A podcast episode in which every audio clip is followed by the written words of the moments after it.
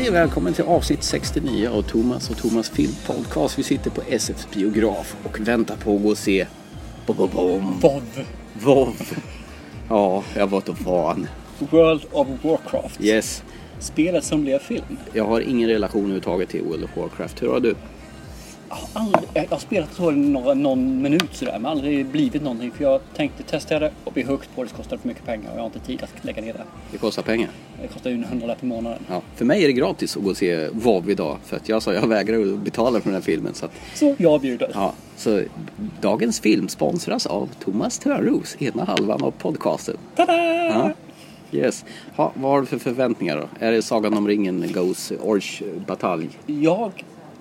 Det här är vad jag hoppas, men jag tror inte det blir det. Jag hoppas att det blir alla Sagan ringen när det gäller vyer och hela det här, hela det här köret. Sen hoppas jag givetvis på att det blir rätt så fina fighting-scener. Det får man ju inte säga annat. Det är därför jag går hit tänkte jag. Ja. Men jag hoppas att det finns mer än bara två tonen. Att du bara slåss. Ja. Utan att det finns lite grann eh, relationer och det finns lite grann karaktärer och framförallt att man lyfter fram båda sidorna. Jag tycker att det ska finnas någonting att man ska få se hur orcherna tänker och hur människorna tänker. Och sen får man se att ingen är god, ingen är ond, utan alla bara har en agenda. Jag har bara sett de där gubbarna med jättestora tänder som sticker upp under undkäkarna. Det är säkert där. Lite grönaktiga sådär. Sådana ja. Ja. Spännande. Ja, nej, men det är min bild på det. Sen tror jag tyvärr att det här är 11 år. Det kommer vara väldigt lite handling. Det kommer vara väldigt mycket effekter och det kommer att eh, gå i 120 från start, more. Visste du att det är David Bowies son som har regisserat den här filmen? Visste jag inte. Nej, nu vet du det. Så Ja, kan du förvänta dig lärt mig eh, 80-tals topéer och 80-tals funky-musik. Yeah! Yeah! Ja, Du nej, själv har ingen som helst relation eller förväntningar att Nej, jag du har- kan genomlida dig två timmar film? nej, jag har, alltså själva spelet har jag aldrig någonsin nappat på. Jag vet inte om det beror på att det har kostat pengar. För jag har ju spelat tv-spel sedan begynnelsen, sedan man skaffade Jag tror det är en liten tröskel på det också. Du, du har en, eh, en tröskel att bli bra på det och tycka det är kul. Mm. Och har man kört MMO innan så är, då är det jobbigt. Sen är jag lite så här anti till spel som aldrig tar slut. Utan jag vill ha börja med ett och det ska ta slut. Men den här filmen Lite kommer ju grann ta som slut. tv-serier. Jag Ja. har början jag vill ha slut. Ja, Mm. men här kommer ju ta slut efter två timmar. Så Men det gör ju det. Så det är ju klart förbättring. Men jag har en glad överraskning. Ja. Det här är första filmen. Okej, Vi får se. Går det bra som det gjort nu hittills så lär det komma både en tvåa, en trea och en fyra. de fyra. Det är som Transformers. Ja men spännande. Vi, vi återkommer ju naturligtvis efter vi har sett den filmen och får se vem som hade rätt och Det vem ska som hade bli fel. jättekul att diskutera den här filmen efteråt. Until then, later dudes.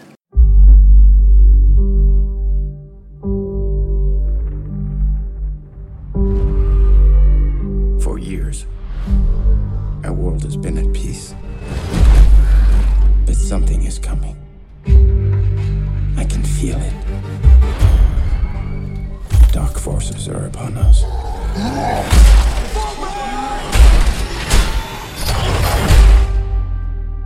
Find these beasts, or whatever they are. Our world is dying. There is nothing to go back to. If our people are to survive, we must make a home here. Whatever happens, Whatever happens. If we do not unite, our world will perish. This doesn't need to happen. There is one who may help us. for orcs, there is no other life but war. No, but with the humans' help, there could be. Why are you here? To save our people. Can we trust him? They're beasts. They should all be destroyed. Då har vi kommit från biografen och har sett eh, Warcraft The Beginning som jag hävdar att det inte stod The Beginning och den inte heter World of Warcraft utan bara rätt och slätt Warcraft. Ja, häv, hävda på så mycket du vill du. Hävda, du står hävda. oemotsagd så att... Oh. Oh. Ja, det, det här var ju en film som du hade peppat för skitlänge. Nej, det hade jag inte gjort. Nej. Nej, inte peppat så sätt. Jag, jag tycker den skulle vara kul att se. Jag tyckte att det, det är rätt kul när man går från ett media till ett annat och ser hur de eh, försöker att översätta och föra över det. En tv-spelsadaption. Det brukar ju bli taskigt där med tv-spelsadaptioner överlag. Det finns väl kanske några som har gått väl. Det är väl kanske Tomb Raider och eh, Resident Evil då. Finns det något mer? har Eh, Doom bra? vet jag de gjorde försök till så blev det ett platt fall. Ja, fast jag tycker den är okej. Doom. Det- Man får lite grann vad man, eh, vad man tror man ska få. Vad man förtjänar skulle jag Ja, säga. jag tänkte säga det faktiskt. Men nu, Jag jag var helt blank när vi gick in och såg den här. För jag, I och med att jag har ingen känsla för det. Det jag kunde tänka mig det är lite orcher. Det, det, har, det har sett med så stora tänder. Fast du visste ju inte ens att det hette Orcher. Du visste bara att det var något med beta i underkäken. Ja, såg ut som någon sån här eh, sabeltandande tigrar. Och stora bjässar med stora klubbor som ville klappa ihjäl folk. Ja visst, yxor, klubbor och hammare och annat däremellan. Det, det är väl ett land som heter Azeroth eh, som eh, står till begrepp att bli invaderade av en jädra massa orcher. Ja. De vill ta, ta sig igenom en portal och släppa ut alla orcher som överhuvudtaget existerar och ta över världen. Ja, för deras värld har väl gått under, eller dött kan man säga. Det har inte gått under utan det har dött. Det finns inte så mycket liv kvar på den. Det här, det här låter ju som ett beprövat tema, liksom att utomjordingar ska liksom parasitera sig på, på världen och bara tuffa vidare. Grunden är väl där, men fortfarande i det här fallet så har de gjort en lite annorlunda så man får följa orcherna också ju. Och att de faktiskt har en heder, de har en kodex, de har en ära som de ställer väldigt högt. Det är inte bara det fram slakta som orker brukar och framställas. Hederskodex är inga fel. Tyckte det var rätt så intressant framställning faktiskt. Ja. Till att börja med. Och så får man väl möta en liten eh, orchfamilj i början. Eh, pappa orch och mamma orch som håller på att föda. Och de eh, gosar lite med varandra. Vet, vet du vad jag tänkte på rakt upp och ner när jag såg det? Nej. Jag tänkte Shrek. Du vet. En muskulös Shrek istället för den här halvflobbiga. Ja men när man låg där och var lite så här höll på och slog på varandra lite så här i Ja, hårt, lite men grann faktiskt. Ja, hjärtligt. Jag tänkte inte på det, men jag kan förstå vad du menar. Ja. Absolut. Ja. Ja. Sk- Ska vi fortsätta med plotten på filmen? Ja, ja, gör det du. Jorden Årsnäs värld håller på att gå under. Men de har ju en, vad kan man kalla han? Han schaman, präst eller magiker eller vad det nu är för någonting. Ja. Kan i alla fall öppna upp en portal in till ja, kungadömet hos Azeroth som du säger här. Och de har väl bara, för att få den här portalen att fungera så behöver de ha liv. Och då har vi ju tagit massa slavar som de använder. Men de har väl bara tillräckligt mycket liv för att öppna upp det för ett mindre antal. Och vad nu mindre antal är väl eh, några hundra eller några tusen i alla fall. Eller vad det är för någonting. Och sen ska de väl ta över Azeroth och ta till fånga och därigenom kunna öppna upp portalen och göra den ännu större och ännu längre så att resten av årsarna ska kunna komma över och bosätta den här planeten, den här världen istället. Och det är som du säger, vi får följa med en årsfamilj i början där som är väl en klanhövding för Frostvargarna tror jag de hette. Och hans fru som är havande. Samt att man får lära känna hans närmaste män. Det är egentligen, det här är ju en av huvudrollsinnehavarna givetvis. Den här eh, klanhövdingen. Sen på andra sidan så finns det givetvis, kan man säga annat än att han är en riddare? Den här mänskliga motsvarigheten till eh, Ja, någon, någon form av riddare för de springer runt med såna här eh, kronor på huvudet. Lothar tror jag det hette va? Lothar ja. Lothar. Och de eh, får ju bara kännedom om att Årsna finns där på grund av att en garnison blir nedkämpad till min sista man. Och de vet inte vad de möter. Att En av hör talas om kanske jättar som dödar allt och rövar bort allt i sin väg utan, att, utan skoning, någon skoning överhuvudtaget. Och det är väl det här med nu. De ställs mot varandra samtidigt som eh, vad heter det, den här klanhövdingen från Frostvärlden börjar ana liksom att det finns en, en, eh, en röd tråd här. Världen dör, Oceans värld dör. De kommer hit och han ser ungefär samma tendens igen hända i den här världen, även om det är mindre skala. Och tycker att, ah, är det inte den här, eh, vad heter det, schamanens fel då? Alltså han behöver liv för att driva sin magi. Så han börjar ju tvivla på Oceans sätt att leva i det här fallet. Och det är väl lite grann här filmen tar vid egentligen. Man får följa med dem. Vi har en som ska skydda sin värld och det är en som tvivlar på det sätt de lever idag då egentligen. Samtidigt som man har en hederskodex som måste följa egentligen de regler och värderingar som Oceana har. That's it. Ja, det låter ju faktiskt skitspännande. Så jag satt och Gör funderade det? på om det var den här filmen jag såg tillsammans med dig. Du kanske sov som vanligt Thomas. Nej, jag faktiskt höll mig vaken. Jag köpte en stor portion godis för att hålla mig vaken. Eh, för att, eh, ja, jag gillar ju fantasy, det gör jag förstås. Och det här är ju en riktig popcorn fantasy. Inte lika kanske slick och eh, så här sofistikerat som kanske Sagan om ringen eller Game of Thrones eller någonting åt det hållet. Utan det här är mera brutal action fantasy. Kan, kan man kalla det för det? Ja, jag tror det är en ganska bra, ja det är ju action fantasy är det ju. Mm. Brutal, ja det är en 11-årsgräns så jag vill inte riktigt ta det Ja. även om det finns några kladdiga ögonblick i filmen. Nej, men det är ganska våld- våldsamt på sina ställen ändå tycker jag. För att vara en 11-årsfilm. För jag menar, Ja, på en 11-årsfilm då- får du ju dra med din 7-åring om du är målsmanssällskap. Och det är ju några huvuden som knäcks och såna här saker så att eh, jag tycker också att det känns lite väl. Men Mm. inget blod och det är väl det som gör att det kan bli 11 år kan jag tänka mig. Ja, för de smackar ju på varandra ordentligt. Man, man förstår ju att här dörs, dör ju folk på löpande band och det blöds ju ganska ordentligt på orcherna. Men det är väl det kanske att de blöder Det är ju grönt. blod. Ja, Yes. då är det ingen fara. Nej. Då kan du slafsa på hur mycket du vill. Eh, Jag tycker det är lite synd. Jag förstår att de gör filmen till 11 år och gör den på det sätt de gör. Men jag hade ju tyckt att det hade varit kul om de hade gjort det lite mer gojsigt. Mm. För de som spelar idag, jag tror inte det enbart är fem- 15-åringar utan det är rätt många 30 och 40-åringar också alltså. Mm. Och jag tror att det är inte så jättemånga 11-åringar som spelar. Kan ha fel, kan ha fel, men det är vad jag tror. Ja men det är väl alltså i och med att eh, Warcraft har ju funnits ganska länge så det borde Mm. väl vara generationer som har vuxit upp och blivit vuxna som kanske ser det här. Ja, och då tycker jag varför kunde man inte gjort den lite mer? Jag vet inte om det här är PG-13 eller sådana här saker när de kommer till USA. Jo men det är det ju. Det Ja. motsvarar ju våran 11-årsgräns i USA. Det är ju PG-13. Helt korrekt. Jag vet inte om deras är direkt överförbara eller hur det är. Jag, jag tror faktiskt att de har mer restriktioner på ja, nakenhet istället i USA. Ja. Men våld får man se men inte pöka. Nej, lite grann så. så att, nu är det inte jättemycket, ja, det är mycket våld, det är det, men det är ju inte mycket slafsigt. Det går ju inte att jämföra med en, en eh, ja, Deadpool som inte är slafsig heller, men där är det ju mer, mer sofistikerat. Man ser mer, man eh, får uppleva mycket mer grö, grövre våld där. Men du gick, du gick in med filmen helt förutsättningslöst i alla fall Thomas. Jag hade ju lite grann, jag, har kanske inte spelat så mycket, jag har bara spelat någon timme. Men eh, jag, jag vet vad det är för någonting för i omgivningen finns det folk som håller på med det. Och det är ju rätt kul. Och jag vet att mina barn är ju barnsligt förtjust i den här typen av filmer. Så egentligen ska jag ju se dem, den här filmen med dem. Ja och så släpper de med mig istället. Ja, precis. Av en händelse. Eftersom du inte ville se den så tänkte jag då ska du fasen ta mig se den också. Så det, det är anledningen.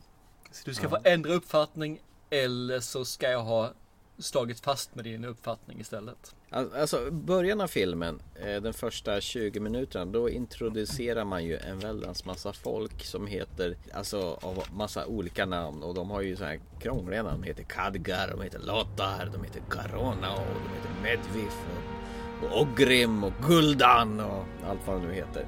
Och då presenterar massa namn på städer eller, eller realms eller vad det nu kallas, byar som är i närheten då. Hade jättesvårt att ta till mig, vem är det här nu då? Och va- var hör han hemma? Och hade jättesvårt att sätta mig in i folket.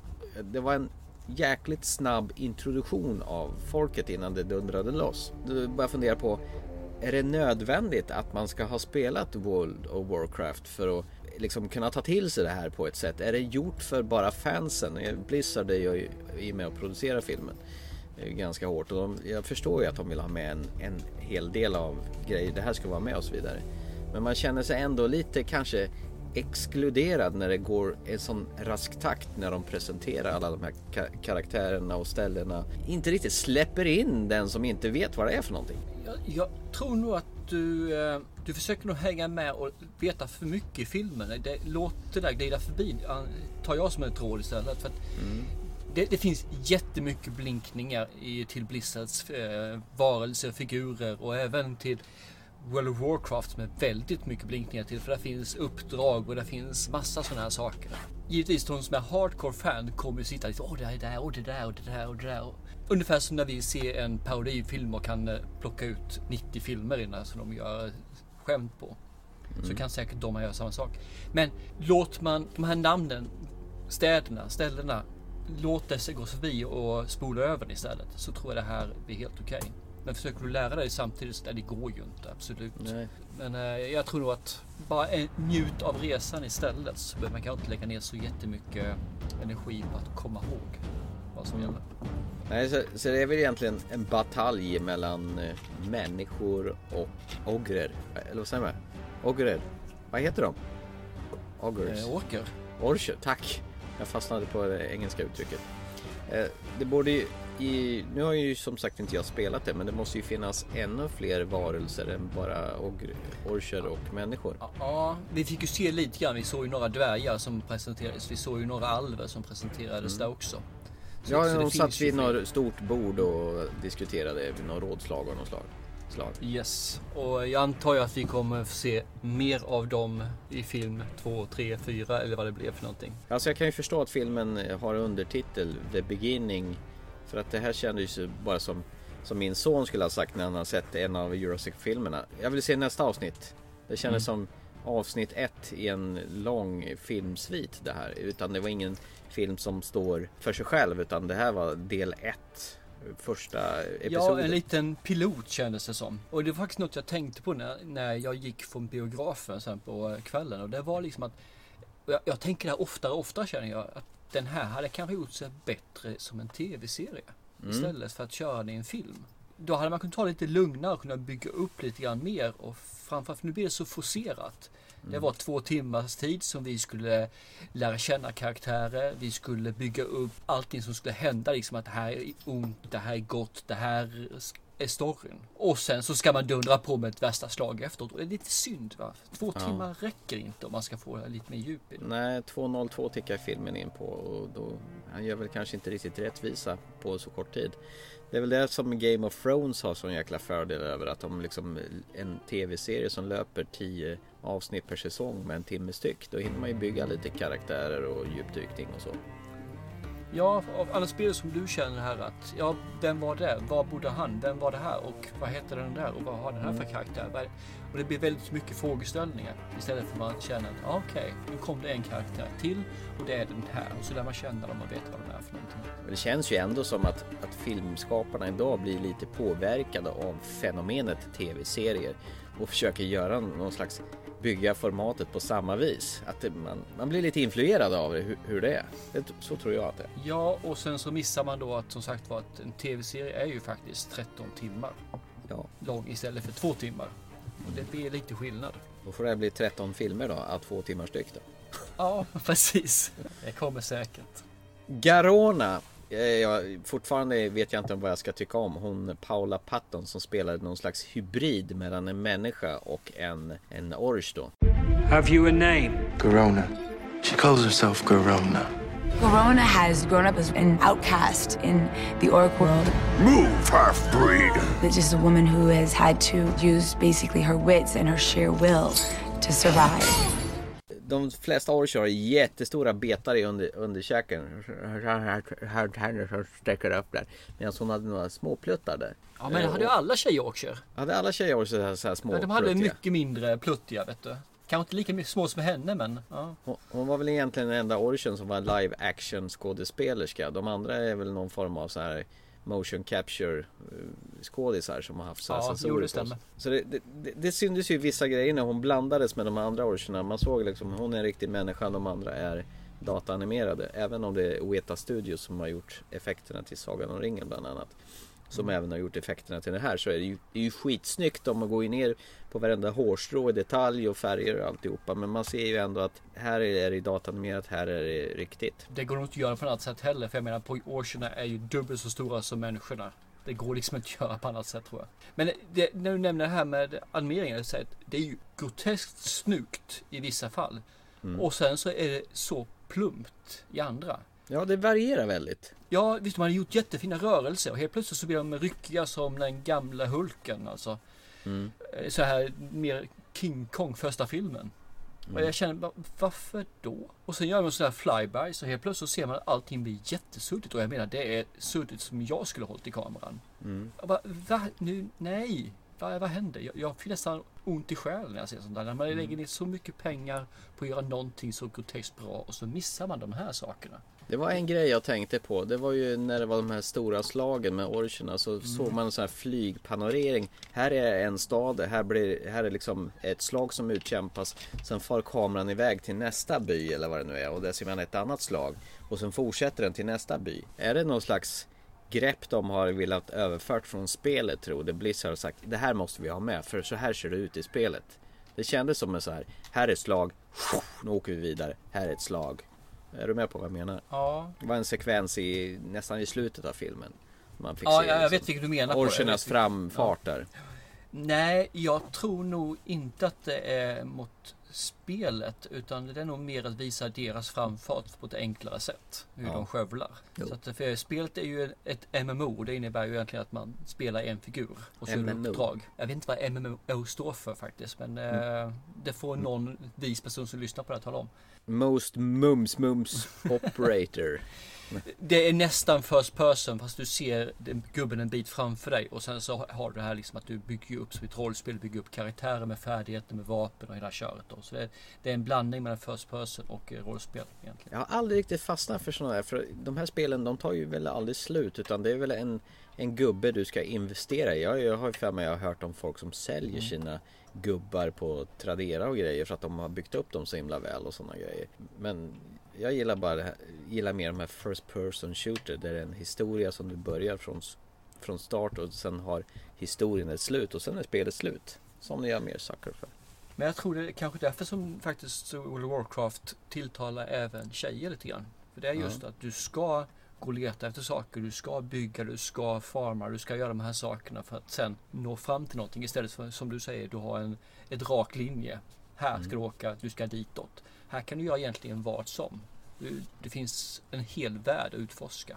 Vad gillar de här olika karaktärerna då som var? Det var väldigt mycket bas på filmen och de här De var väldigt mulliga och slagsmålsscenerna var väldigt mäktiga när de slogs. Det var mycket kötta på smällar där och de hade pitchat rösterna som var mörka och sådär. Gillar du den själva estetiken på det hela? Ja, det gör jag faktiskt. Jag tycker om eh, rösterna. Det gör jag faktiskt. För det, det ger lite mer eh, stuns till, eh, till karaktären istället.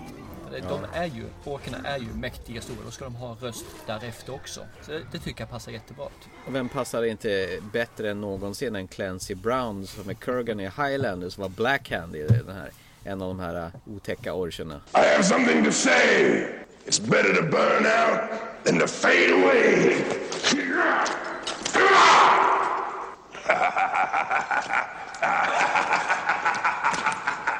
Mm. Jag tyckte att jag förnimmade en röst av Clancy Brown och jag blev ju så glad när eftertexterna rullade när det verkligen var han också. Det är coolt. Det är coolt. Sen får jag säga att jag är väl lite missnöjd med storyn att den är, var så mycket saga. Kungen i, eh, bland människorna är den rättrådige. Han gör allting. Han offrar sig själv för sina undersåtar. Han tar de visaste besluten och han är en helylle kille. Och jag ber, nej, varför kunde man inte göra han lite smutsig åtminstone? Lite smutsig. Bakar in en Moses historia mitt i alltihopa också. Ja, den Moses-historien tycker jag var helt oprovocerad faktiskt. Jag förstår inte riktigt varför den, och den är så uppenbar också på köpet. Så att, eh, Men det är ju säkert en ledstjärna in i, rakt in i nästa film. Om Det den här det blir en succé. ja, och den är ju på väg att bli en succé. Den har ju spelat in eh, väldigt mycket pengar. Warcraft isn't getting much love from critics, but that certainly didn't stop it from smashing box office records in China. The movie took $46 million in just one day, which is the biggest intake ever on a Thursday in the Middle Kingdom, crushing the previous record set by a local film called The Mermaid, which took 37 million earlier this year. According to Variety, Warcraft also set a two-day record with its 90 million haul, topping the previous record set by Furious 7 with 88 million dollars. Det är ju lite spännande. Regissören till den här filmen heter ju Duncan Jones som är eh, me- mest känd, nej, mest känd ska man inte säga, men han är känd som att han är son till den numera avlidne sångaren David Bowie. Duncan Sowie Hayward Jones heter han, hans fullständiga namn. Det han är mest känd för det är två stycken ganska smala filmer, eller smala, den ena är en ganska smal indiefilm som heter Moon från 2009. Sam Bell reporting to Central. Everything running smoothly. Over and out. Rock and roll. God bless America. Om en man Vilket som är är... halva podcasten har sett hela filmen. Ja, jag har sett halva och jag Ja. skäms över det där. För jag, den, det jag såg av den filmen var ju faktiskt fruktansvärt klaustrofobiskt och spännande och otäckt. Och en sån här enmansshowsfilm som jag fullkomligt brukar älska. Och den är bra. Den Ja. är ruggigt bra. Så jag lovar, till nästa podcast vi spelar in så har jag sett den. Jag lovar det. Det ska jag hålla dig till. Och sen har han gjort eh, Source Code 2011 med Jake Gyllenhaal, du vet den filmen där han återupplever de sista åtta minuterna på ett tåg som är begåvat med en mördare som har placerat eh, likväl en bomb som, som ska sprängas där och han är tvungen att lista ut vart den här mördaren har placerat bomben och så vidare och så får han återuppleva det här om och om igen. Welcome back, Captain Stevens. Where am I? You are inside the source code. What is the source code? It's a computer program, Captain. Source code enables you to cross over into another man's identity in the last eight minutes of his life. At 7:48 this morning, a bomb exploded on a train outside of Chicago, killing everyone on board. A man named Sean Fentress was on that train. He is now you. Think, Captain, remember back. Who bombed the train? I don't know who bombed the train. Then try again. Wait, no. I. So, what do you think? It's the same train, but it's different.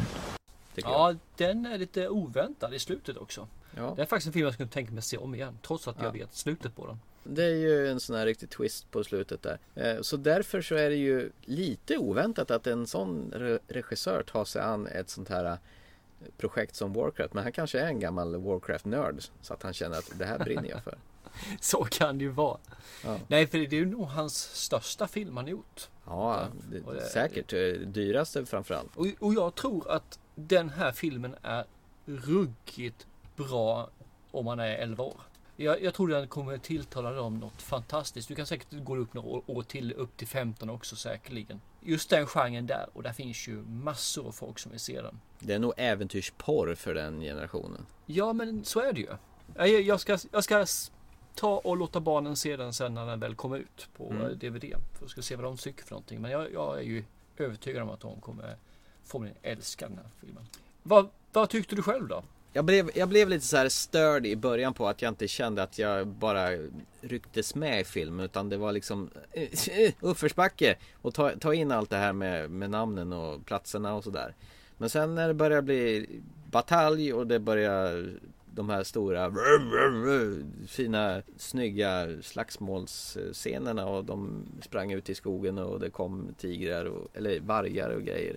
Då blev jag mer investerad i filmen. Sen tycker jag nog att mot slutet så börjar det likna dataspel. Jag har nog aldrig sett så mycket pixlar och rörelser på en och samma gång på en så stor bioduk. Det känns som att de ville kräma på så mycket som möjligt på en och samma gång så att det blev lite överdos. Men jag tyckte den var bättre än vad jag trodde att jag skulle tycka att den var. Ja, för jag var nästan tvärtom. Jag tyckte den var rätt intressant i början när man eh, presenterade karaktären och försökte sälja in liksom Mm. vem är vem och vem står för vad. Sen eh, kände jag lite grann i filmen att det blev lite snabbspolning. Istället för man downade någonstans och gjorde lite djupare i ett ämne så kändes det som om man bara berörde allting lite tunt. Man bara touchade allting.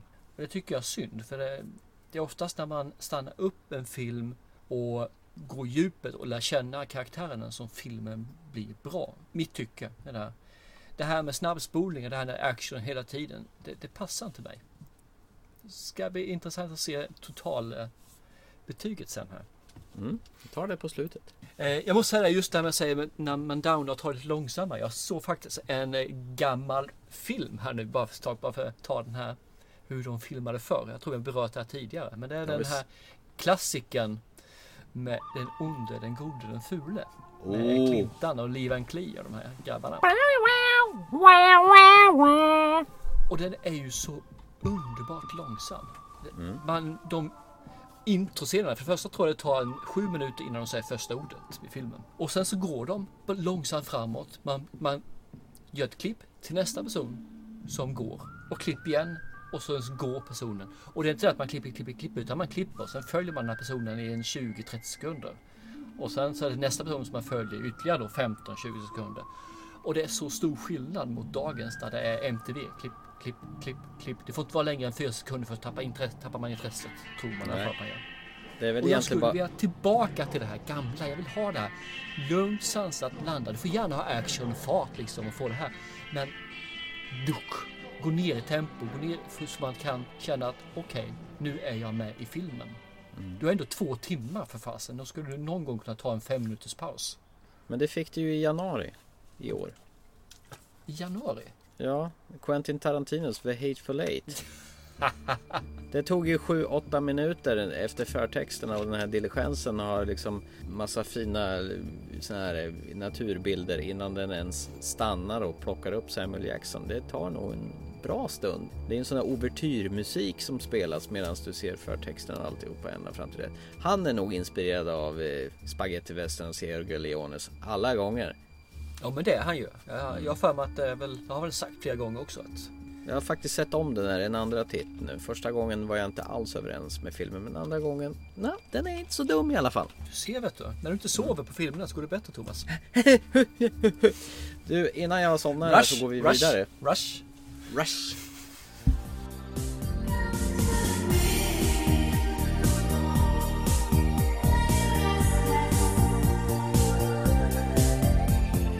Ska vi reda ut den här röran? Den här svarta röran? Den svarta röran? Som, vi, som film nummer två. Ah, du menar att det är lite kriminellt? Ja, precis. Jag menar Black Mass, svart röra. Med en viss person som heter Tarantino heter han inte alls. Nu bara säga Tarantino för du säger det. Johnny Depp menar jag såklart. Jajamän. Hey, buddy. I need you to listen very carefully to what I'm saying because there are lessons again and again throughout your whole life. And you gotta learn from these things, right? It's not what you do, it's when and where you do it and who you do it to or with. If nobody sees it, it didn't happen. Jimmy, he's six. You really think that's the best thing to be telling your kid? Yeah.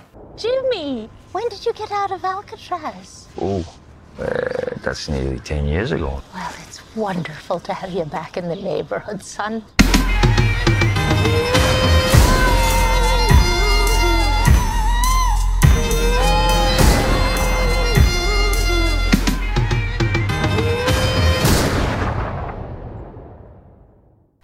En Trailer. grov... Okej.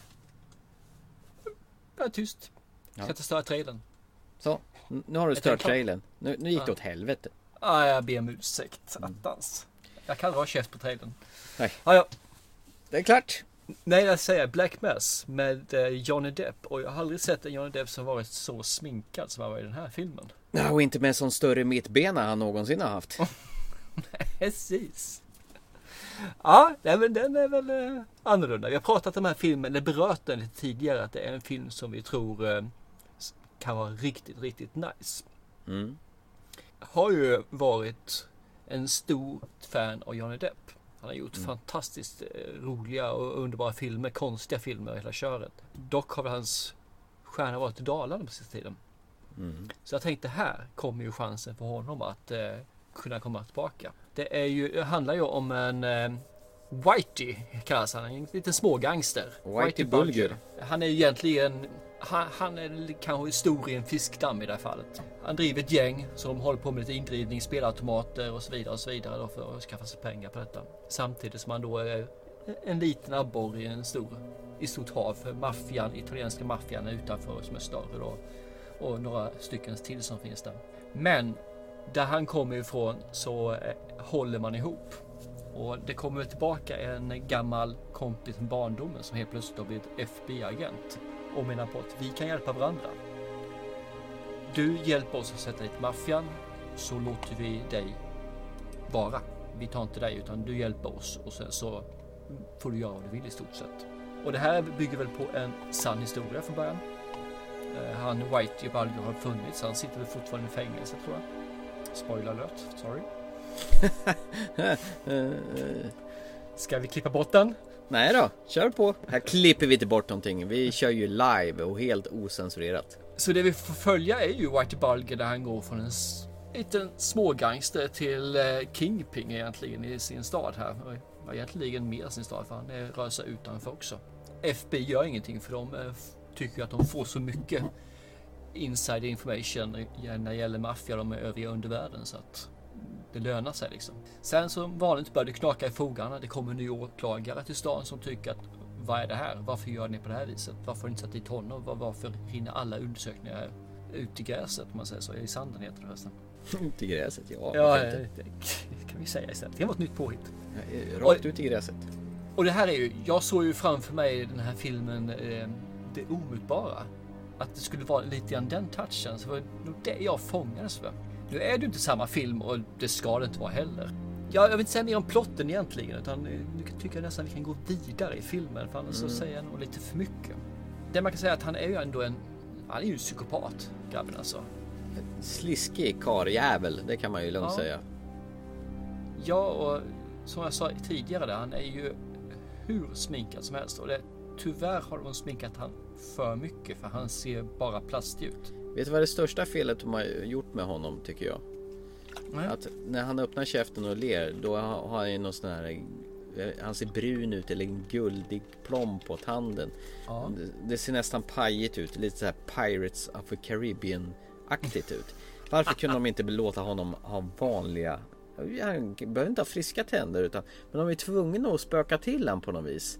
När han ska le. Han behöver inte vara någon slags karaktär från de här äh, fantasifigurerna som han gjort. Hattmakaren eller Jack Sparrow eller någonting. Utan kan han inte bara få vara en så jävla badass ut? Ändå. Det kan ju vara så faktiskt att eh, den riktiga Whitey Bulger har en guldtand. Nej, det hade han inte. Det hade nu, han bestäm- inte. nu bestämde vi det. Ja, du har undersökt det och tills någon säger emot oss så är det så det. Johnny Depp han vill se kalasigt paj ut i alla sina roller.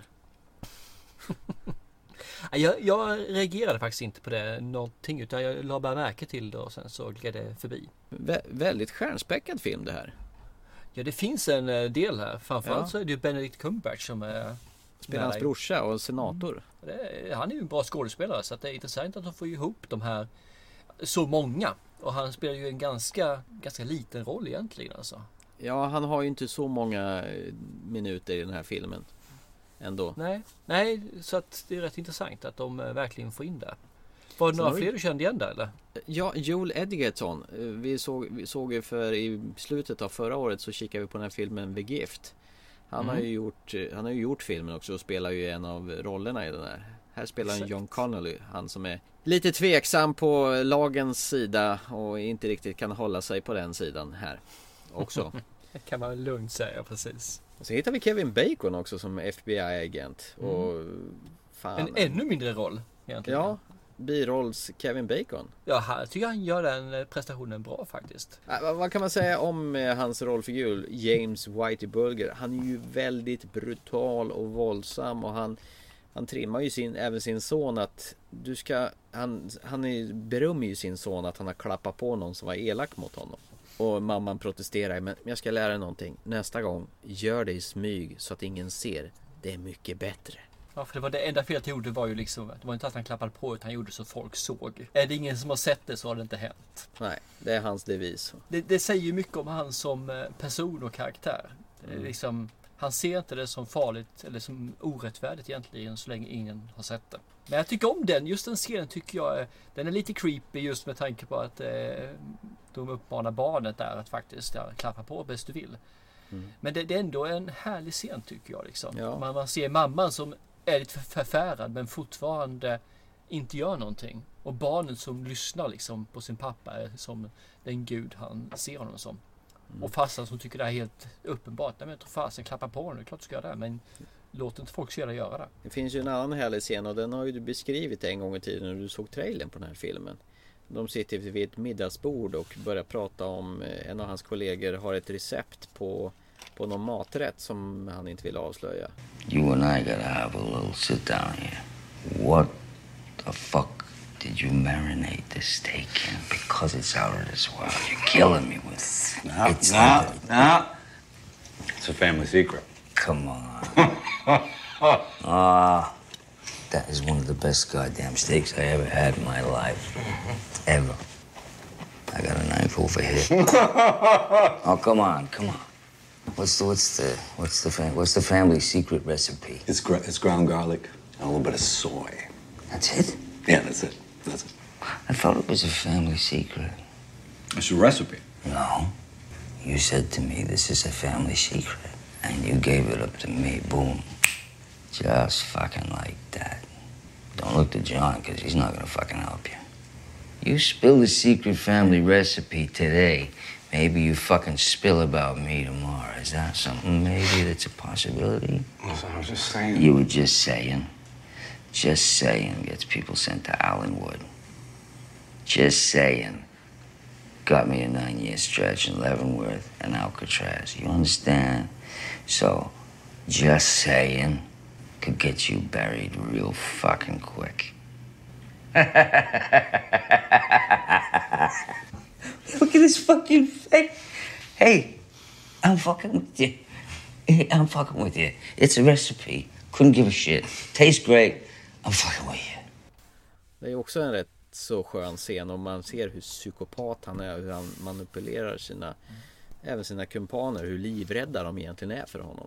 Eh, Märkte du det förresten när han var, den här psykopattopparna om man säger så. Mm. Så drog de ihop hans pupiller. Nej, det tänkte jag inte Så de på. blev som knappnålshuvud. De blev jättesmå pupiller. Han hade knappt någonting kvar. Jag vet inte om de gjorde det med, om det är dataanimerat eller, eller om jag bara kan ha läst in för mycket. Men jag såg det så fort han blev arg på sin fru när, när deras barn blev sjukt. Så Mm. blev pupillerna jättesmå. Och detsamma var när han pratade med någon och eh, så här liksom de gjort något fel. Så ser man liksom att pupillerna blir jättesmå. Och sen så när han är glad så är pupillerna som normalt på honom igen. Kanske något trick Johnny Depp har lärt sig annars. Ja, jag, jag tyckte det var lite småkul för han blir när han, får så små, han har så kalla ögon också. Det är ju antagligen linser. Ja, så så det blir det så jättekalla och döda ögon. Mm. Och han framstår som riktigt galen. På ett eh, hemskt sätt. Finns det något sätt att vara galen som är bra förresten? Nej. Men du, du retade ju på den här med tanden och jag retade mig något kopiöst på sminkningen. Du tycker inte han ser ut som en riktig människa utan han ser plastig ut eller? Totalt. Jag, jag köper liksom inte ens som en eh, levande varelse i vissa fall. För det, det, liksom, det finns ingen rörlighet i den här sminkningen. Och jag tycker det är jättesynd. För varför var de tvungna det? Om man, om man vill ha en gammal skådespelare. Varför skaffar man sig inte en gammal skådespelare? För det finns jättemånga skådespelare som är bättre än Johnny Depp. Nu vet jag varför. Han har ju, han investerat i filmen. Det är klart att han Han har väl varit med och producerat kan jag tänka Ja, mig. så det är klart att då vill han ha med sig själv. Men jag tycker det är synd. Sen är det en sak till som jag tycker är lite synd med filmen och det är just att det finns inte en enda karaktär i filmen som man finner sympati för. Nej det håller jag med också. All, man, man hatar ju allihopa. Det är ju ingen som Ja. är... finns ingen du kan ty dig till och heja på. Den här personen vill att det ska gå bra för. Speciellt huvudkaraktären för han är ju ett jävla asshole. Och det finns ingen förklaring till varför han har blivit så heller som jag kan känna sympati för att han är som han är på grund av att. Nej. Och I vanliga fall tycker jag det är rätt skönt att man inte behöver ha en förklaring till allting. Men Ingen backstory där. Just det här fallet så skulle jag nog vilja ha lite grann till. För att det är som säger, han är bara ett svin. Man vill nästan bara att han ska bli mulad. Och, och sen problem nummer två eller nummer tre om vi ska gå in på djupet där så är det ju det är ingen kontinuitet i filmen utan du gör som den här filmen vi pratade om sist, den Steve Jobs film att det är nedslag i olika Mm. perioder i hans liv. Det är lite så här och här också utan du tar en bit, en segment vad som händer en, mellan ett par år och sen hoppar vi fram i tiden några år och sen hoppar Yes. vi fram i tiden. Du får ingen kontinuitet. Jag hade hellre sett till att det här var liksom en, en film som handlade under en gemensam period. Det blir så hackat och malet när de hoppar och sådär i tiden. Jag gillar inte alls det sättet att berätta film på. Nej, jag tycker ju om det här liksom att de hoppar mellan hans gäng som finns kvar där de förhör dem och de går med på att ja, de ska inte gola för de är inga golare som de säger då. Men, och sen hoppar de in i storyn. Men som du säger, just att de gör bara nedslag och sen så hoppar mellan epokerna. Det tycker jag också är synd för man fattar inte riktigt vad som har hänt. Helt plötsligt så är han Kingpin. Och sen helt plötsligt händer det här. Och jag, nej, jag får inte riktigt eh, den här kontinuiteten, den här röda tråden. Den finns liksom inte i filmen. Ja, det gör ju så här att man inte liksom investerar i den utan man Jag tappade intresset lite här och var och kände att "Vas- varför ska jag bry mig överhuvudtaget? Så kändes det. Ja, Jag förstår hur du menar. Eh, jag kände lite grann samma. Det, var, det fanns vissa guldkorn. Jag tycker eh, det var just det. Det finns ett tillfälle när deras son blev sjuk i influensa. Och han menar på liksom att ta henne till doktorn. Och sen så när jag är på doktorn så inser jag att det är någon annan sjukdom. Jag kommer, kommer inte ihåg vilken sjukdom det var. Men i alla fall så är det så pass att han hamnar i respirator sonen. Och just när de har den här dialogen framför att hon vill ju rycka ur sladden för hon tycker det här är inte värdigt. Och han mer eller mindre i det fallet kallar henne mördare då ju. Och den tycker jag är lite, lite eh, ingen trevlig situation men det, det är en bra scen. Mm. Hur de integrerar. För det, han själv är ju psykopat och har dödat hur många som helst. Men just när hon vill göra det med sonen så slår han bakut och blir oxtokig. Det är som jag säger, jag tror inte han har sett det att han har mördat folk utan ingen har sett det, så har det inte hänt. Jag har ju ett guldkorn till också när han terroriserar John Connollys fru som inte vill vara med på Ah. middagsbjudningen. Han kliver väl in till henne och kollar hur sjuk hon egentligen är som hon har skyll på för att hon inte vill delta. Mm. Det är också en rätt så obehaglig scen. Den, den, den stack ut lite grann. Det hjälper inte riktigt med de här fina momenten som dyker upp där. För att För det blir ingen film av det. Nej, du sätter inte Det- det i någon sammanhang som, som ger något flyt utan det blir bara Det blir som en ryckig EKG-kurva som Ja, nu är det tråkigt. Okej, nu händer något spännande. Nej, nu är det tråkigt. Mm. Nej, för fan. Du vet. Nej, jag håller med fullständigt där faktiskt. Mm. Det- Och ja, spiken, spiken i kistan på den här filmen Det är de där jäkla eftertexterna Vad hände sen? Och det här är ju verkligen Vad händer sen med personerna? Svart text Svart bakgrund och text som berättar vad som händer med alla Och det är ju overload med sånt i den här filmen Nej, jag tycker inte om det. Det gör jag inte heller. Så jag hatar eftertexter. Det är ytterst sällan det finns ett mervärde att ha det. Bara för att du bygger på en verklig händelse eller verkliga personer så behöver man inte ta med dem och förklara vad händer sen, som du säger. Har du någonting mer att ta upp med filmen? Nej, Jag blir så jävla upprörd över Ja. med eftertexterna så jag, jag kräks ju. Jag känner ju lite grann hur, hur surt det kommer upp i halsen. Och hur... Nej, jag vill inte prata om det här längre. Jag kan bara nämna en liten kort trivia. Jag vet den är inte kul egentligen, men jag tycker den säger en hel del av filmen som sådan.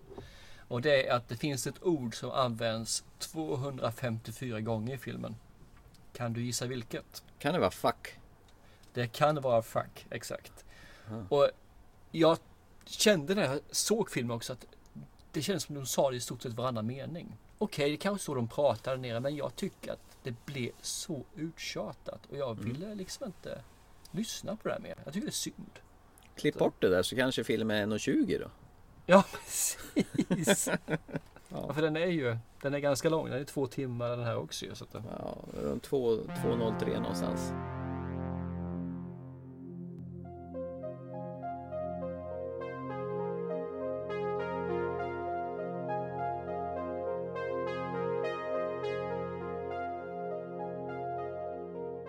Men du, Ja. vi nämnde ju Johnny Depp att jag har ju tyckt han varit fruktansvärt bra. Så Mm. jag tänkte vi skulle ta och köra Johnny Depp faktiskt och hans värld, eller värld, hans väg framåt. Men innan vi går in på honom, ska vi inte ta och hissa lite gissa filmerna? Jo, absolut, det kan vi göra. Då börjar vi med Warcraft, The Beginning. Är den värd att se eller inte? Jag tycker den är värd att se faktiskt. Eh, enbart av anledningen att det är, det är väldigt snyggt överlag. Och det är en mäktig historia i alla fall alltså. Vad man kan göra idag med animeringen och dylikt gör det helt fantastiskt. Sen så tror jag att man ska nog vara lite yngre eller gå dit med en ung människas ögon. Så blir det nog bättre. Men absolut tycker jag du kan se den. Vill man se en eh, mullrig batalj där ljudsystemet på biografen får jobba för högtryck. Då här är det definitivt en film för dig. Och ta med popcornen för guds skull för det här är en riktig popcornrulle. Eh, jag kan nog tycka att det blir lite överdoserat på slutet. Det känns som ett, ett dataspel på slutet. Det, det var min. Men i, i stora lag så blev jag positivt överraskad. Så, ja men se den på bio. Det blir bra. Black Mass, värd att se eller inte, gör Johnny Depp sin comeback till sin storhet som han en gång hade. Thomas Törnros. Nej, det gör han inte. Jag vet att han lagt ner jättemycket engagemang i den här rollen och den här filmen. Han försökte få tag i eh, Whitey Bulger liksom och intervjua honom. Eh, han tackade nej och ville liksom inte vara med. Och så han har däremot tagit med på inspelningen och hur han agerar. Han har med sig några av hans kompaner och de har tyckt han gör en jättebra rollprestation av Whitey. Men eh, filmen är ingen höjdare. Det finns ingen rytm. Det finns ingenting som tilltalar. Nej, jag, jag kan inte rekommendera den. Jag kan inte den, tyvärr. Håller med där. Jag tyckte den var skittråkig ärligt talat. Förutom några guldpunkter som glimmar till i all den här svarta sörjan. Den är mess. Han borde heta Black Mess istället. Istället för Mass. Se Gudfadern istället. Den är bra film. Och Gudfadern 2 för all del. Där har du riktiga bra maffiafilmer. Eller Scarface för all del.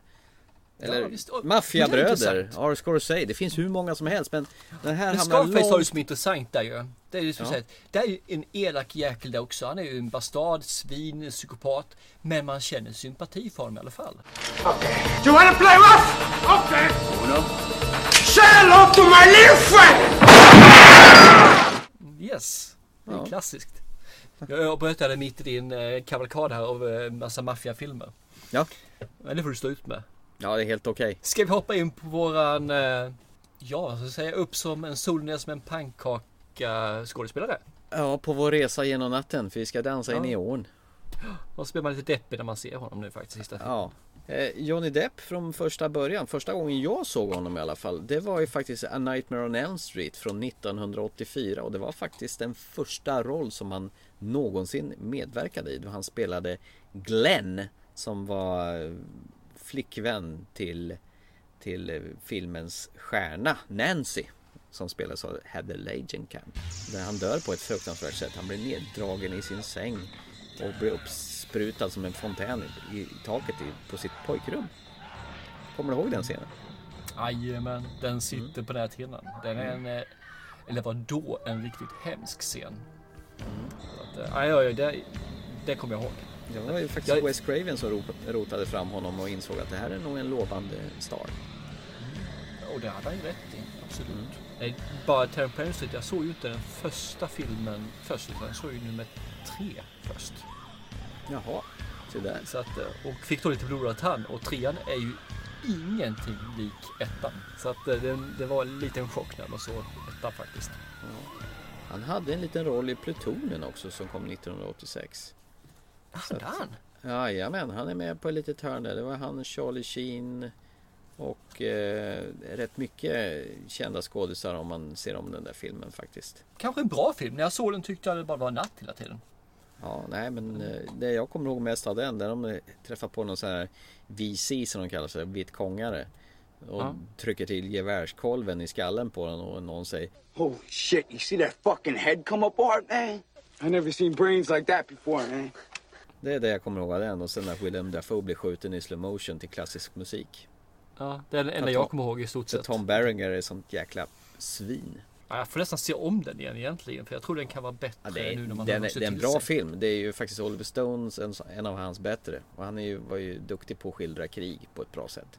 Mm. Eller bra sätt. Ja, han var bra på att skildra Ja. krig, punkt. Sen, sen kom väl genombrottet i tv-seriernas värld med 21 Jump Street. Där han spelar Officer Tom Hanson i ganska många avsnitt. Eh, 82 avsnitt för att vara exakt. Som, eh, som eh, spelades in mellan 87 och 90. Jag har faktiskt sett just ingenting av 21 Jump Street. Har du det? Jag tror jag har sett något avsnitt. Jag tror det gick på tv nå- någon gång här på om det kan varit femman eller någonting sånt där. Mhm. Men eh, nej, jag eh, har aldrig varit något fan av den där serien. Det har jag inte. Eller fan, jag har inte sett det rättare sagt. Så att, eh. Sen efter det så gick han väl vidare egentligen. In Mm. i filmbranschen. Det här tog, eller det här gick in i filmbranschen på allvar. Med Edward Scissorhand till att börja med. Mm. Ja, det är han med knivarna. Alltså inte Freddy Krueger utan han har saxar snarare. Så han är Exakt. ruskigt skicklig på att klippa häckar och blir Winona Ryder blir lite småkåt på honom där. Och jag vet att många tjejer i klassen suckade tungt nu för honom där alltså. De tyckte att han var jättesöt. Jag antar att det var 21 Jump Street från början med, men jag tror det, det klappade många hjärtan här. Men han ser ju ut som någon sån där jäkla vaxdocka. Lite Frankenstein. Ja, och det var väl Tim Burtons eh, första samarbete med eh, Johnny Depp där också. Det här är ju, det där är ju en mysig film. jag tyckte den var sådär när jag såg den. Men, men det är en mysig film. Lite matinéfilm. Mm. Absolut. De sätter ju en viss typ av känsla på Tim Burtons filmer. Han har ju ett speciellt bildspråk. Och det är ju någonting som fortlöper i hans senare alster. Nästa Ben- film som, Ja. ja, som påverkar mig är ju Gilbert Grape. En li- lite udda familj där va? Ja, den tycker jag om den filmen. Så att, eh, Det är där man trodde att eh, Leonardo DiCaprio var utvecklingsstörd på riktigt. är det någon som säger emot det? Eller? Nej men alltså, han spelar ju den rollen så jäkla pass bra Mm. så man skulle kunna tro att han har någon skada på riktigt. Att de har hittat en skådis som, som kan spela fast han är CP-skadad. Rätt kul. För eh, han, han visar inte upp sina skådespelartalanger eh, DiCaprio sen egentligen. Utan han Mm. Är ju bara den här vackra pojken. Ja. Tills han egentligen kommer lite upp i åren när han börjar visa upp vad han kan igen. När han får till slut få en Oscars för Ravenous. Precis. Ja, ja, ja.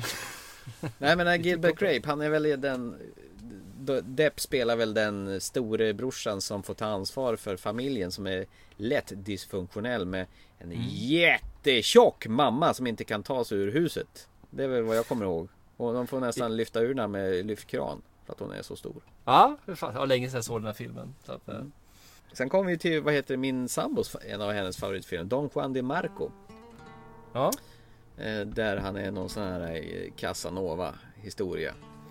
Där, där en fin fin låt av Brian Adams. Have you ever loved a woman? Är i eftertexterna. Det, det är en sån där grej jag kommer ihåg. Den står faktiskt Mm. i DVD-hyllan där någonstans. Ja, En okej. riktig sån här feelgood film. Och sen är väl han gudfadern skådisen med också. Som jag nu inte kommer på vad han heter. Men då är ju en samvetsfråga. Där- Nu är vi framme vid ungefär 97. Ja, 94. Ja det är den, absolut, stämmer. Mm. Eh, Ja. Jag, jag var en eh, längre fram. Eh, 94 är vi framme. Tyckte du om Johnny Depp? Ja, tyckte han var rätt trevlig faktiskt. För det gjorde inte jag. Alltså? Nej, jag tyckte han var rätt kass i de här Jag, ty- åren. jag tyckte han var rätt ball i Ed Wood. Den här eh, när han spelar, eh, alltså den riktiga Ed Wood som gjorde den här Plan 9 från Outer Space. Han som Mm. gjorde en av världens sämsta filmer med världens minsta budget.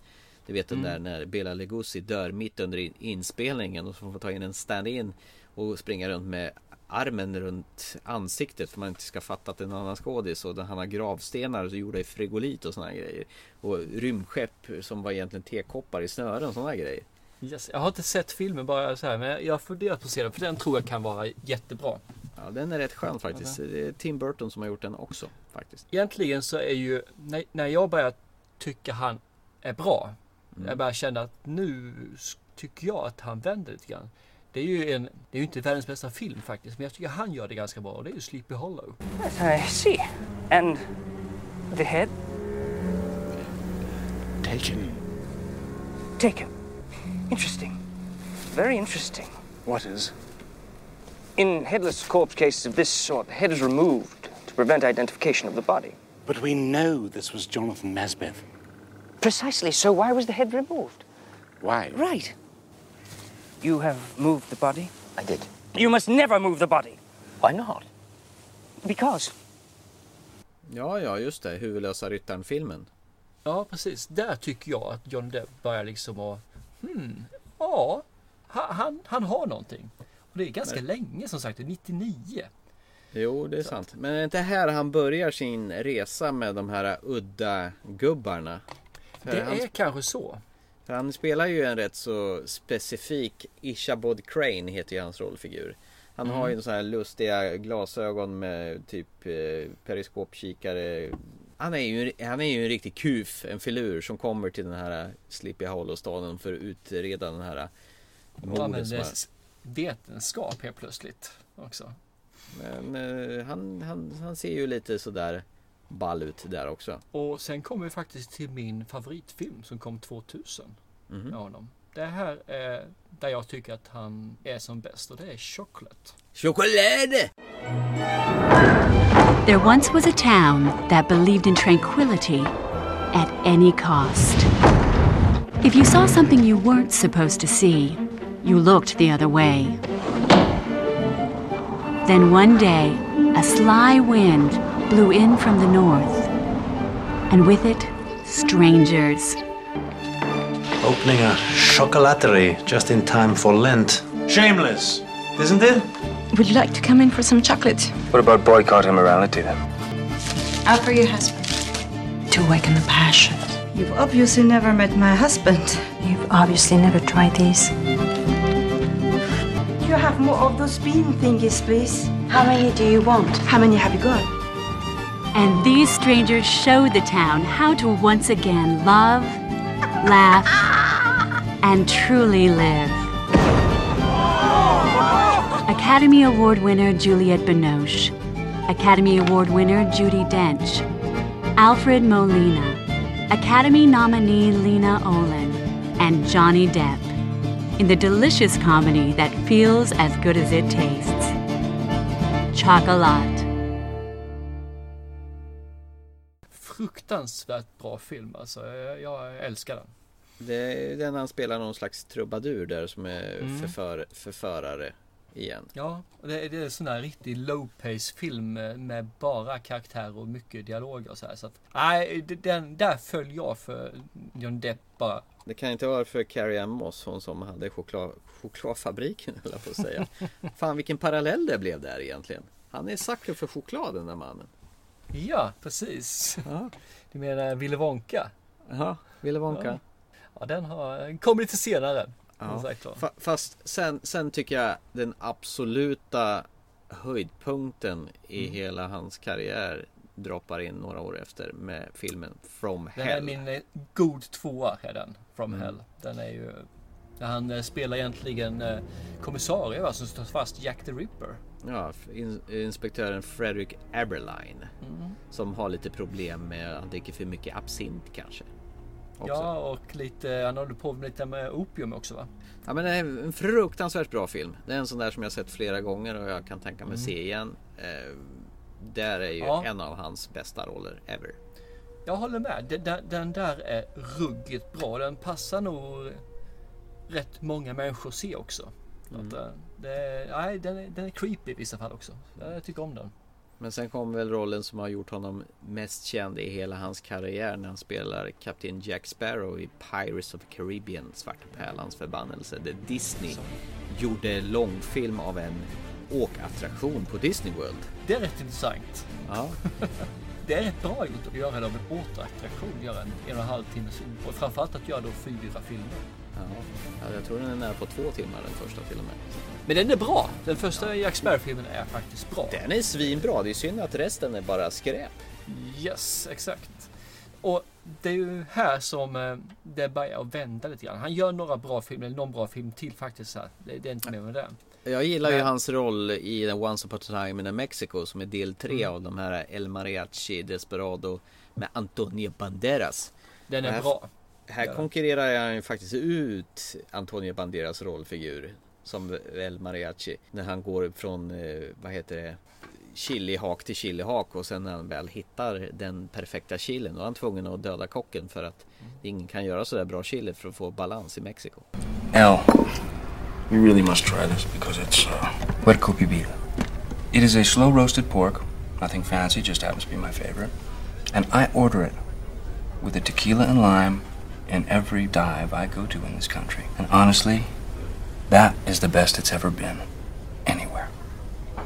In fact, it's too good. It is so good that when I'm finished with it, I'll pay my check, walk straight into the kitchen, and shoot the cook. Because that's what I do. I restore the balance to this country. And that is what I would like from you right now. To help me keep the balance by pulling the trigger. Den Nej, scenen det, kommer. det, det är en bra filosofi. Ja. Måste döda den bästa kocken så det, inte, så det blir balans. Ja. Ja. Den är, den är en rätt okej roll han har faktiskt. Ja, men, fast det är ju ingen...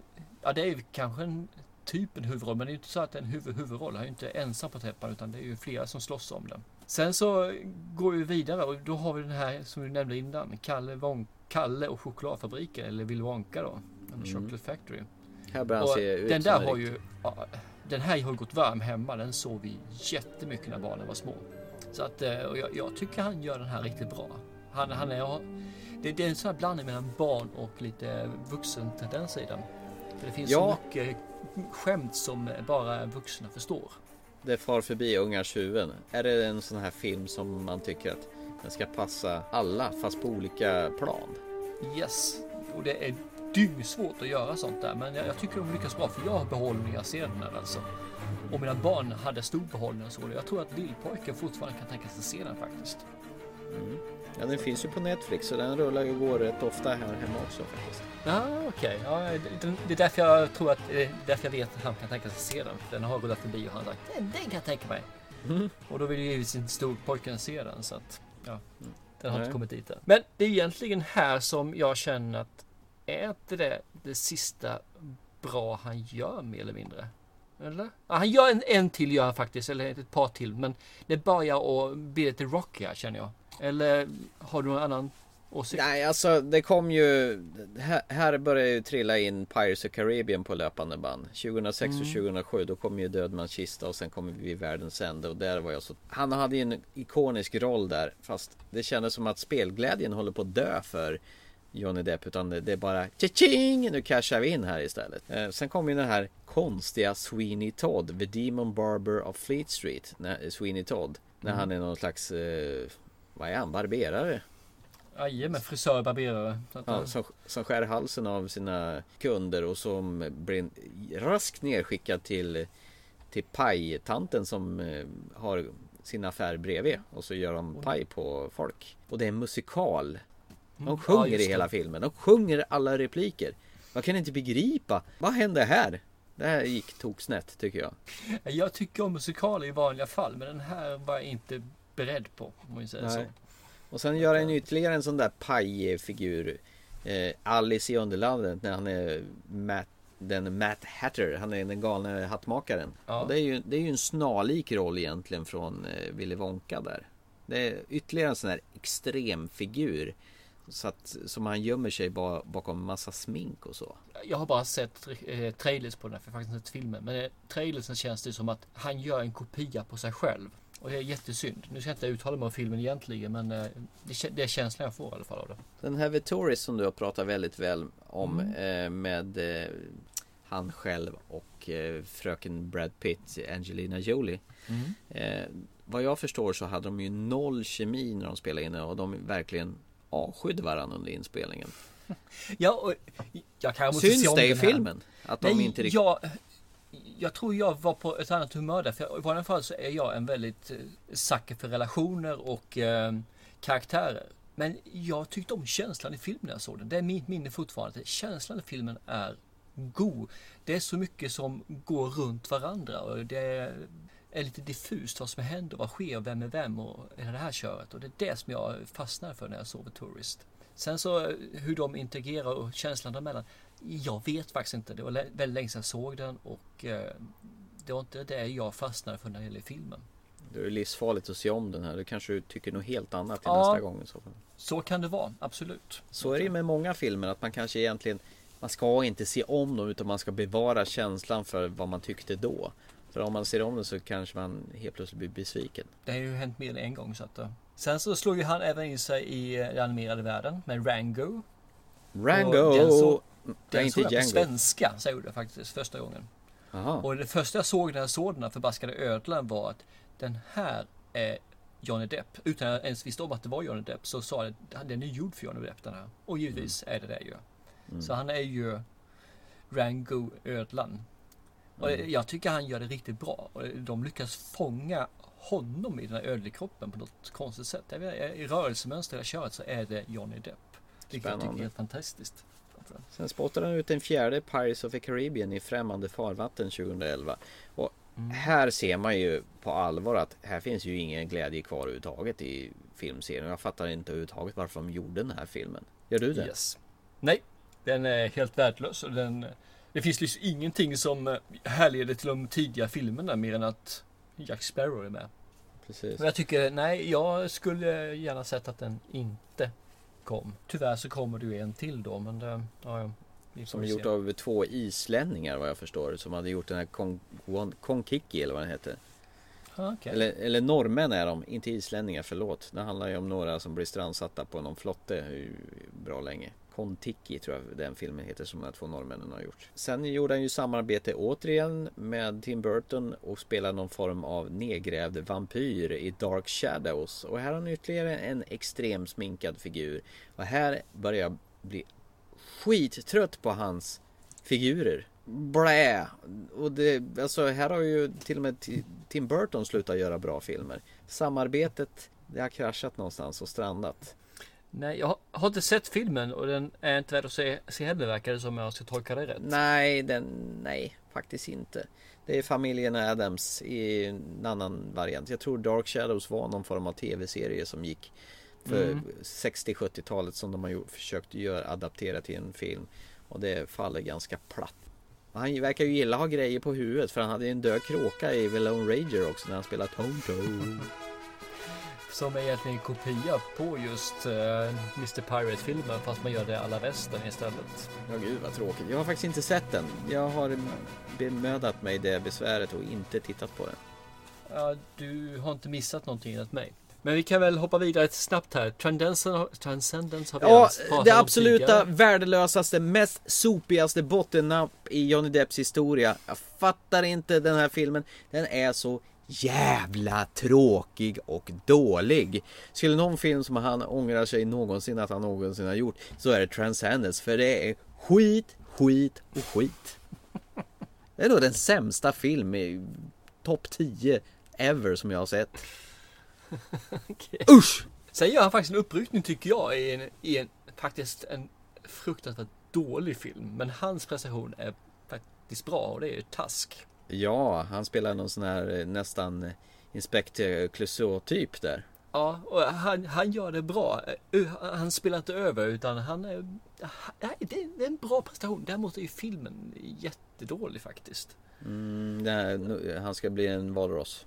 Ja, precis. Och det, det, nej, jag vill inte ens berätta mer om den heller. Så att, eh, Vi skiter i den då. ja då. Och nu är vi tillbaka egentligen i nutid. Där han då gjort Black Mass och nu senast man är aktuell i Alice i Spegellandet. Aha, som då är aha. uppföljaren till din favoritfilm här nere.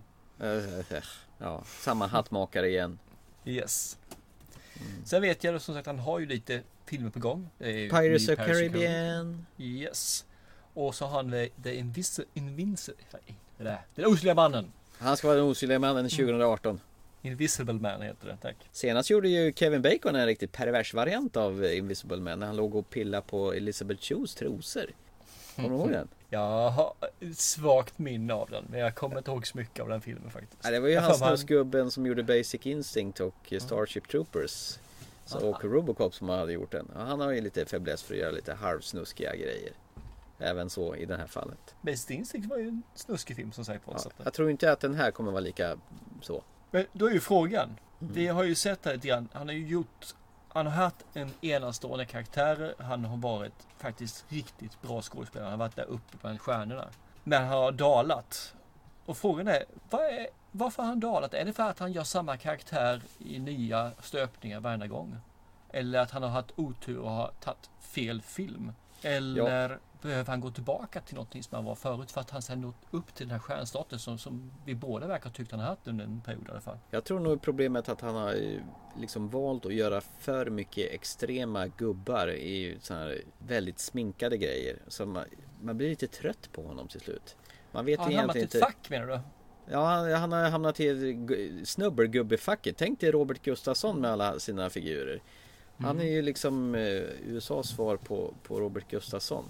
Och han kan man ju också bli lite trött på, eh, Mr Gustafsson med alla hans karaktärer och så här. Utan jag skulle vilja se lite mera skådespelaren Johnny Depp, vad han kan prestera.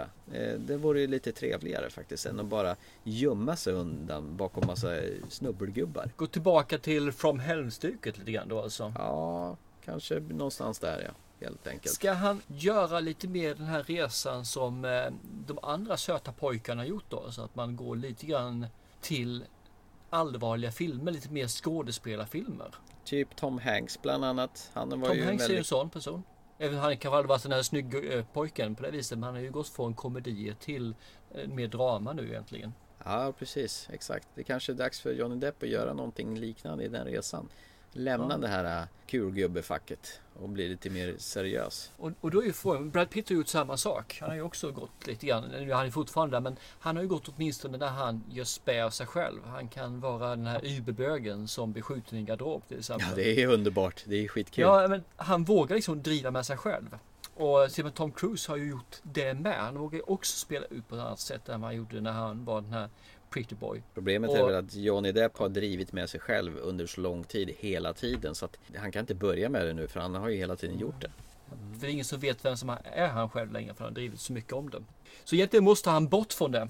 Han måste bort från det och köra mer allvarliga roller. Lite grann som han faktiskt försökt sig på i Transcendence. eh, Även om eh, det var en mindre lyckad film. Han, där såg han ju så uttråkad ut och det kändes ju liksom Han kändes inte engagerad överhuvudtaget Investerad i den filmen alls. Så kanske han borde skaffa sig en ny fransk fru Som peppar honom lite grann. En, an, en ny Vanessa Paradis kanske? Joel Le Taxi! Men kanske är så här, det är så här, när han gör de här rollerna som vi tycker han ska göra så tycker han det är tråkigt. mm, Förmodligen. Att han vill hålla på med de här sakerna som han gör och då kommer vi, eller jag kommer att tycka att han blir sämre och sämre.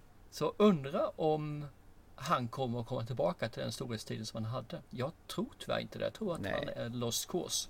Är Liksom andra gubbar, till exempel som Bill Murray kan göra sådana riktigt seriösa roller som Lost in translation och eh, Broken Flowers och sådana här grejer. Och Det gör var det ju med inte- bravur till köpet. Ja, eller hur? Det är sådär som man aldrig trodde kunde Fan vad seriös och fin han har blivit. Ja. Eller vi som har blivit gamla blivit tråkiga och bara kräver för mycket av våra ungdomshjältar. Det kan ju vara så också att vi har utvecklats i en riktning som de inte har utvecklats. Det är klart. Så jag hoppas ju att de Men tar man så här, det finns ju så många nu skådespelare som har hakat iväg. Okej, nu är Harrison Ford gammal, men han är ju inte vad han har varit. Nej, han är trött och han är sleten. Jag såg ju om, den går ju varm, The Force Awakens hemma och jag kan ju tyvärr inte vidhålla samma bländande intryck som jag såg den på bio med min son. Nej. Eh, förresten, jag lovade att nämna min sons namn i podden. Elias, hej. Du har sagt att du älskar film också så nu, nu nämner jag ditt namn. Och eh, han ville vara med på ett hörn. Varsågod Elias, här har du. Så. Eh, nej men alltså, han, när jag såg om den, jäklar vad sleten och trött han ser ut, Harrison Ford. Mm. Så jag gruvar mig ju, vad är det, 2019? När han ska spela Indiana Jones för femte gången.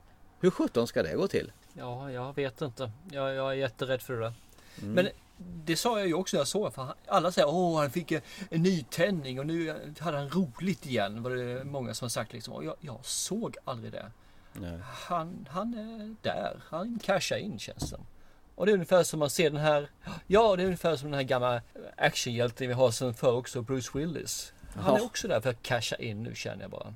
Men ja, ja, det kanske är så att det finns bara få personer som håller. Clint Eastwood håller fortfarande.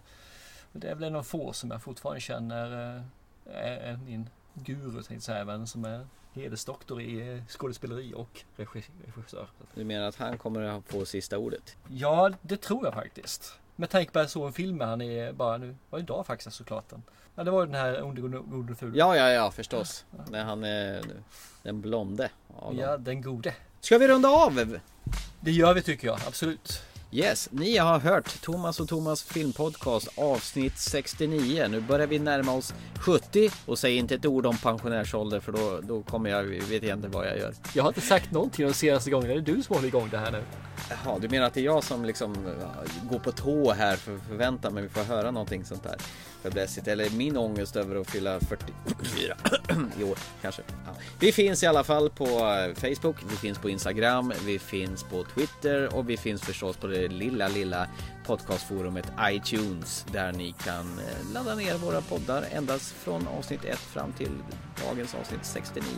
Du får gärna gå in och trycka och trycka prenumerera, skriva en liten kommentar så studsar vi uppåt lite högre och det skulle vi uppskatta. Ja, absolut. Yes. Till nästa gång får ni ha en helt fantastisk sommar. Sommarväder, för det är helt underbart väder just nu. Varmt. Och se mycket film. Det går även när det är bra väder. Absolut. Och som vanligt, vi är er guide i biomörkret. Ha en bra dag och kväll så hörs vi till nästa gång. Chip chop! Hej! Hej då! Hej då! Hej då! Fick, Så hade få sista ordet.